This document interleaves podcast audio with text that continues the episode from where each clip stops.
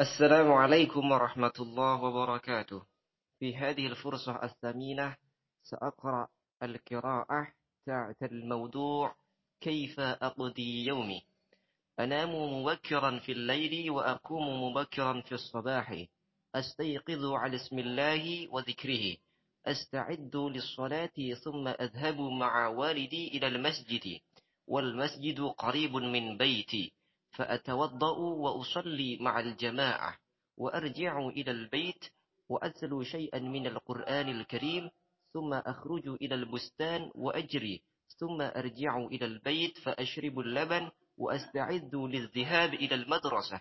فأفطر إذا كانت أيام الصيف وأتغدى إذا كانت أيام الشتاء وأصل إلى المدرسة في الميعاد.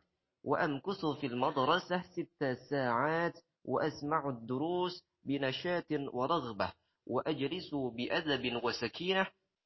حتى إذا انتهى الوقت وضرب الجرس خرجت من المدرسة ورجعت إلى البيت وأقرأ بعد صلاة العصر إلى المغرب. وفي بعض الأيام أمكث في البيت وفي بعض الأيام أذهب إلى السوق وأشتري حوائج البيت وفي بعض الأيام أخرج مع أبي أو أخي إلى بعض الأقارب. أو ألعب مع إخوتي وأصدقائي وأتعشى مع والدي وإخوتي وأحفظ دروسي وأطالع للغد وأستعد للدرس وأكتب ما يأمر به المعلم وأصلي العشاء وأقرأ قليلا ثم أنام على اسم الله وذكره.